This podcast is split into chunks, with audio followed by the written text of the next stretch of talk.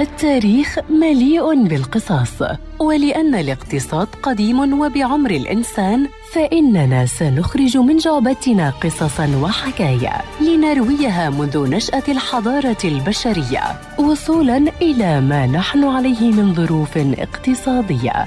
في بودكاست تاريخ الاقتصاد مع المدون الاقتصادي مجد النوري عبر إذاعة أجيال ومنصاتها المختلفة.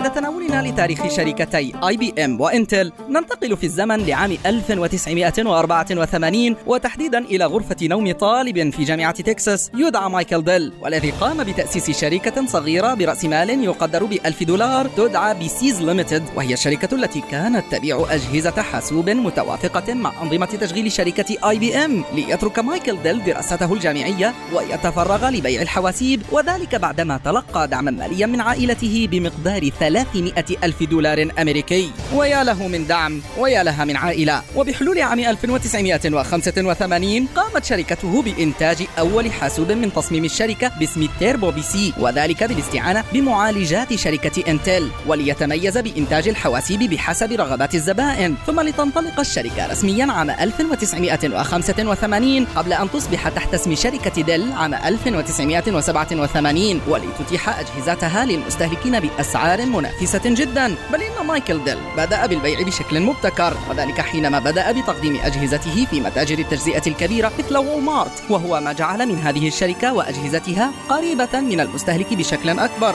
ولتنمو الشركة أكثر فأكثر حتى وصلت قيمتها السوقية إلى نحو 54 مليار دولار أمريكي.